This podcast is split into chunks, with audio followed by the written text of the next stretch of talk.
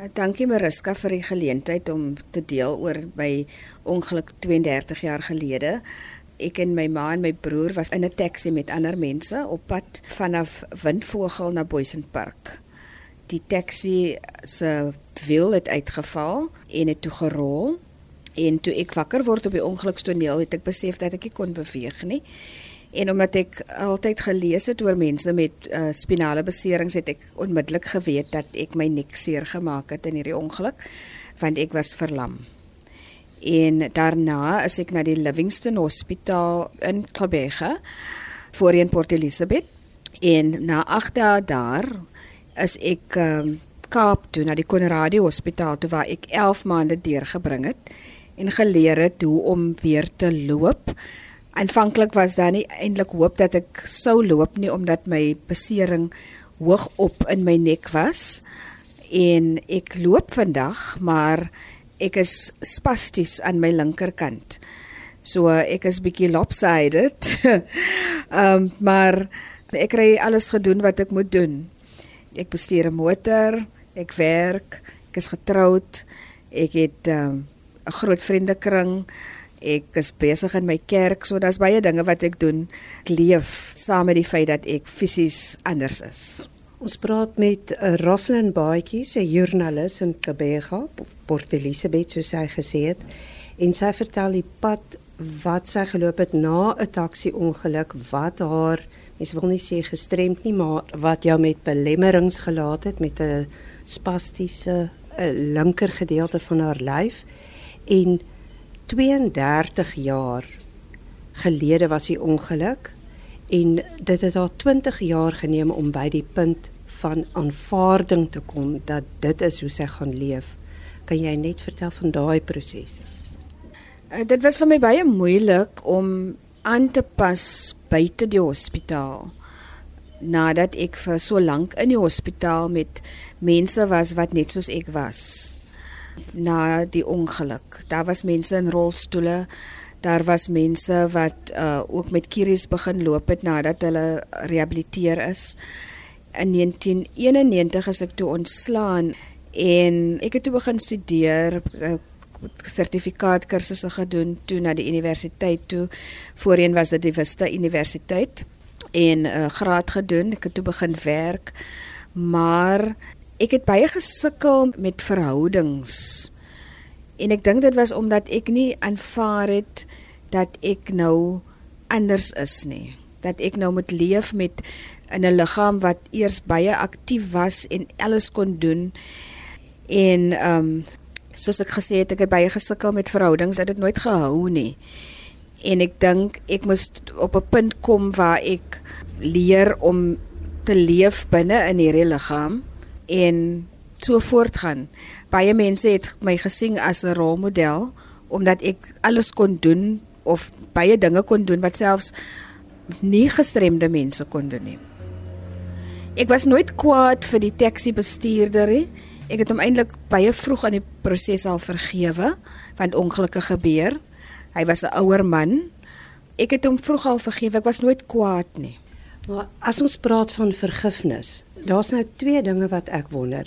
Die hele ding rondom vergifnis en dan ook die bewustelike prosesse waardeur jy gegaan het om te aanvaar. Dit is hoe jy nou gaan lewe. Ek dink daar was twee soorte vergifnis prosesse wat moes plaasvind. Die heel eerste proses was die vergifnis vir die bestuurder van die taxi, maar die tweede vergifnisproses was die proses om myself te vergewe. En ek het dit nie onmiddellik besef nie. Dit is hoekom dit my so lank gevat het om deur alles te werk. Want 'n dag voor die ongeluk het my vriend van destyds ons verhouding telefonies beëindig en omdat ek gedink het hy is nou die son en die maan en die sterre, het ek gesê, Here, ek wil dan nie meer lewe nie. En net die volgende dag het die ongeluk gebeur. Ek is ek het so seer gekry, maar ek is toe nou nie dood soos ek gedink het ek moet wees nie. en toe ek besef dat ek myself moet vergewe vir dit wat ek gesê het of gewens het moet met my gebeur. Toe het die eintlike genesing eers begin. Toe ek myself vergewe, het ek beter geword met verhoudings, ook met ander mense. Myself beter begin verstaan. En ek kon beter as 'n mens dit so kan sê in Engels relate tot ander mense. Want die bagasie is toe uitgegooi. En ek kon nou weer vir myself begin lag. Ek val maklik en so as ek geval het dan het ek nie meer gehuil, ek het gelag. en ek kon maklik vir hulp vra. Eers het ek gedink dat ek moet bewys dat ek alles alleen kan doen. Ek het die hulp nodig hê, maar toe word dit vir my ook makliker om om hulp te vra.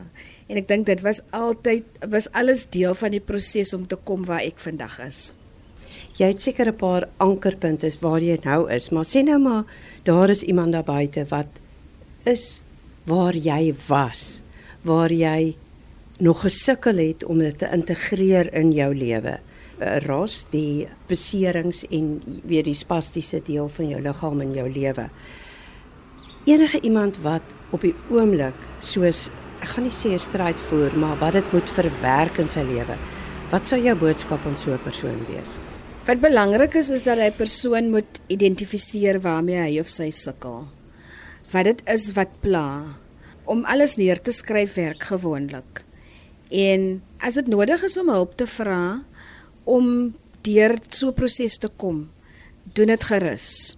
Ons wil graag bewys dat ons onafhanklik is as mense wat fisies belemmerd is. Maar there is no harm in asking for help. My geloof het my deurgedra en daar is altyd mense wat wil help. Al wat jy moet doen is net om bereid te wees om gehelp te wil word.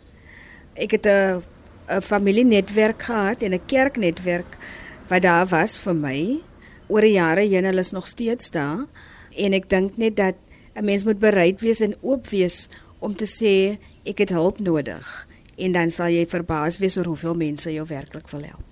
Roslyn Baadjies maar baie noem jou ook Ras joernalis van die Baai wat nou praat oor haar pad na geestelike genesing, na 'n fisieke besering wat haar belemmerd gelaat het. Wat vir my baie interessant is, ek het vroeër gehoor hoe jy daarvan praat is mense moet ophou sê iemand het 'n stryd teen gestremdheid, 'n stryd teen kanker, 'n stryd teen suikersiekte. Wil jy nie net 'n bietjie daarop uitbrei nie? Dit is nie 'n stryd wanneer jy begin aanvaar wat met jou gebeur het of waarmee jy moet leef dan leef jy net daarmee. Dan is dit glad nie 'n stryd nie en verskillende mense leef elke dag met verskillende belemmerings. Of dit nou fisiese een is of dit nou 'n siekte is soos kanker of diabetes of hoë bloed of wat ook al. Ons het 'n stryd nie. Want wanneer jy in 'n stryd is dan is dit amper asof jy in 'n geveg is. Maar jy leef daarmee. Jy en jy leer ook om te leef daarmee. Maar daar is mense wat altyd jy weet die woorde is soos jy is daarmee so sleg af soos A B en C nie. Jy weet, maar dan moet 'n mens ook nie toelaat dat ander mense dit wat jy deurmaak minder maak as wat dit is nie. Ek het 'n uh, positiewe ingesteldheid oor die jare heen ontwikkel. So daar is nie 'n glas wat half vol is of half leeg is nie. Daar's 'n glas wat oorloop of 'n beker wat oorloop. En ek dink net dat mense anders moet kyk na sekere dinge. Anders moet kyk na die lewe in 'n geleentheid sien in 'n 'n oënskynlike slegte situasie. As jy net mooi kyk, sal daar altyd iets goed wees of iets goed kom uit 'n negatiewe situasie. Jy moet net anders kyk daarna. Ek dink as ek nie in die ongeluk was nie, sou ek nie al die goed kon doen wat ek nou doen nie. Mense sê kyk altyd snaaks na my as ek sê ek sê dankie vir die ongeluk wat op 3 September 1990 gebeur het. En dan vra hulle my hoekom want jy kan nou nie meer doen wat jy gedoen het. Jy kan nie meer hardloop nie, jy dans, jy dra nie meer wax skoene nie. Maar dit is alles oukei okay, want nou kan ek ander goed doen. Ek kan 'n kar bestuur. Ek kan baie dinge doen en dit het die weg oop vir my gemaak om te identifiseer watter talente ek ook het. Ek sing in die koor in my kerk. Ek bid, ek bied kursusse aan in my kerk en ek is net dankbaar dat ek kon ontpop as 'n leiersfiguur in sekere organisasies en in my gemeenskap self Ek het ook ontpop as 'n gemeenskapsmens as gevolg van die ongeluk wat gebeur het. Dit mag miskien nooit gebeur het, ek weet nie, maar dit mag miskien nooit gebeur het as ek nie in die ongeluk was nie. Dit is hoekom ek sê daar is geleenthede in negatiewe situasies wat jy net moet identifiseer. Ek was baie jonk toe die ongeluk gebeur het, 21. So ek kon nie daai lewe lei wat my vriende gelei het nie, maar ek het toe intellektueel en geestelik en op ander maniere ontwikkel. En op daai manier kan ek ook dan nou ander mense help waar ek nou nie my eie plesier op ander maniere wat ek baie graag sou wou hê kan leef nie of kan soek nie kan ek dan nou ander mense help. En dit verskaf my ook groot vreugde en ehm um, ek is nou besig om te kyk hoe ek verder kan studeer volgende jaar. so daar is moontlikhede, daar is geleenthede. 'n Mens moet net oop wees daarvoor.